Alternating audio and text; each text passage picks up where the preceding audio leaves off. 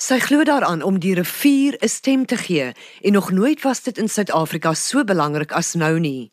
Ons gesels vandag hier op die Kookstuig met 'n senior dosent van die Departement Gemeenskapsgesondheid aan die Universiteit Stellenbosch, Dr. Joe Barnes, oor die stand van ons land se riviere. Daar word beraam dat die helfte van Suid-Afrika se riviere in wat genoem word 'n swak toestand is met 'n kwart wat krities bedreig word. Volgens die WWF maak 1 uit elke 10 mense in Suid-Afrika op rivierwater staat vir oorlewing. Watervloei in talle riviere word egter erg belemmer deur onttrekking en droogte toestande, maar besoedeling wat plastiek en riool insluit, is ook 'n groot probleem. Biodiversiteit en menslike gesondheid word wesentlik bedreig. Die program word tegnies versorg deur Lindsey Johnson. Dr Baans, voor ons by die stand van ons land se riviere kom, hoe gee mens 'n rivier 'n stem? Baie maklik. 'n Rivier is soos wat my ouma altyd gesê het, praat saggies en dra groot lat. Uh riviere praat saggies, maar uh, hulle effek op ons lewe is geweldig groot. Hulle hoef niks te sê nie, hulle hoef niks vir hulle self te doen nie. Die blote gevolge van wat ons aan hulle doen is reeds so geweldig duidelik dat ons hulle sagte stem nie meer kan miskyk nie. En wat doen ons aan hulle? Suid-Afrika se riviere is in 'n haglike toestand. Daar's ongelukkig nie 'n beter woord daarvoor nie. En ons is besig om ons riviere teen 'n geweldige spoed te besoedel. Jy weet die natuur uh um wys nie sonnebokke uit nie en dit blameer nie. Daar's net gevolge. En die gevolge van hierdie rivierbesoedeling is geweldig. Dis minder water, bloot dus minder kos dus 'n kleiner krimpende ekonomie, maar ook 'n groot draer van siektes waaroor ek baie bekommerd is. Dr. Baans, hoeveel mense in Suid-Afrika nagenoeg is afhanklik van riviere vir hulle oorlewing? Jy weet, dis baie moeilik om te sê want ons het geen werklike behoorlike syfers nie en dit is een van die dinge wat my baie bekommer. Daar's 'n hele klomp munisipaliteite in die land wat nie eens weet hoeveel water hulle versprei nie. En ons praat nou van munisipaliteite. Watse rol speel munisipaliteite met die bestuur van ons riviere?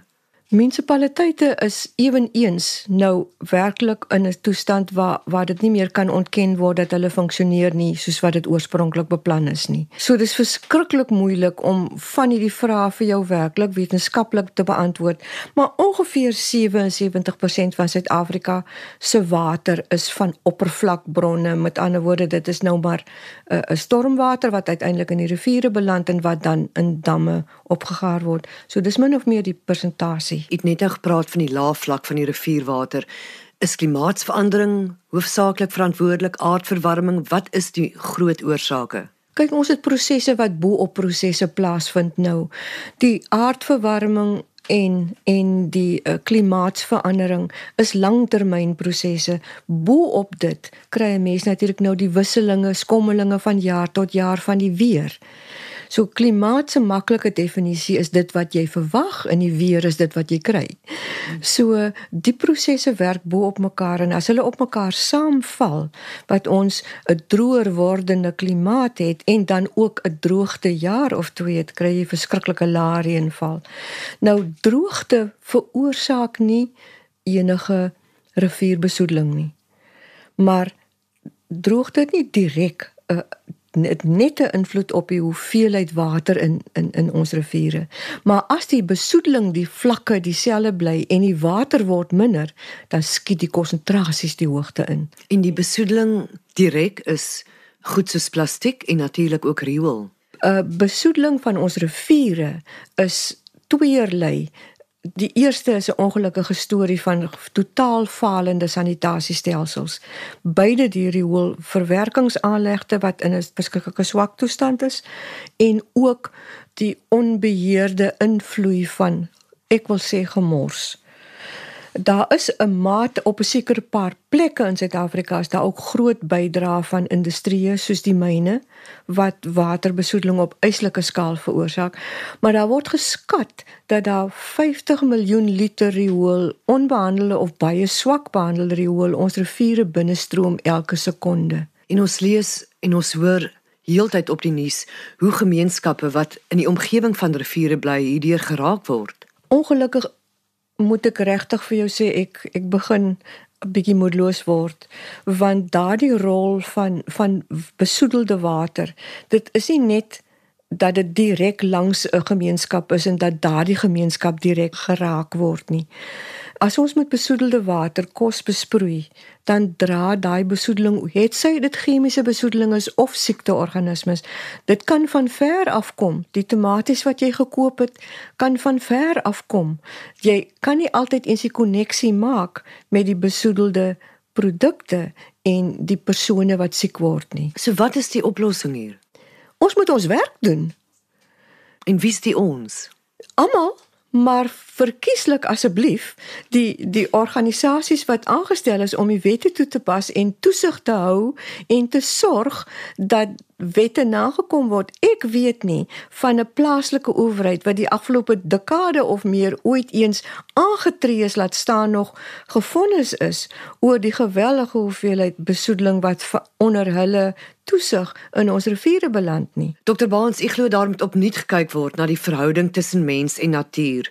Is dit moontlik om mense in hierdie gejaagde tyd wel tot stilstand te dwing en die verhouding in heroonskou te laat neem? Ek is oortuig daarvan dis baie moontlik. Dit het met die stad Kaapstad se inwoners gebeur in 2017 toe die droogte op sy ergste is. Toe het almal 'n sin vir verantwoordelikheid aan die dag gelê wat my hart bly gemaak het.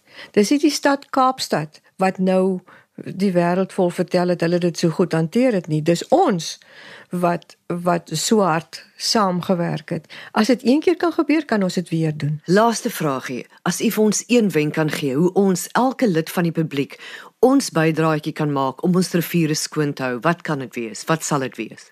Gee dadelik enige besoedeling wat jy sien aan by die owerhede en knaag tot hulle iets doen. Dit was Dr. Joe Barnes, een van Suid-Afrika se grootste kampvegters wanneer dit by die bewaring en beskerming van ons riviere kom. Daar is 17 jaar gelede reeds in die nuus oor Dr. Barnes berig, toe dit grootliks dank sy haar pogings was dat die besoedeling in die eerste rivier op Stellenbosch aangespreek is. Sy het egter veel verder gegaan en deur haar deursettingsvermoë, passie en takt daarin geslaag om 'n gemeenskap wat in twee geskeur was oor die rivier weer bymekaar te bring.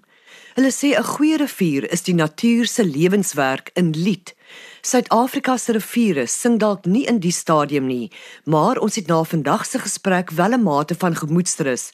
Daar is slim mense wat omgee en 'n verskil maak. Die program word ondersteun deur die Wes-Kaapse Departement van Landbou. Ons groet tot volgende week. Onthou die aarde is kosbaar, kom ons bewaar dit.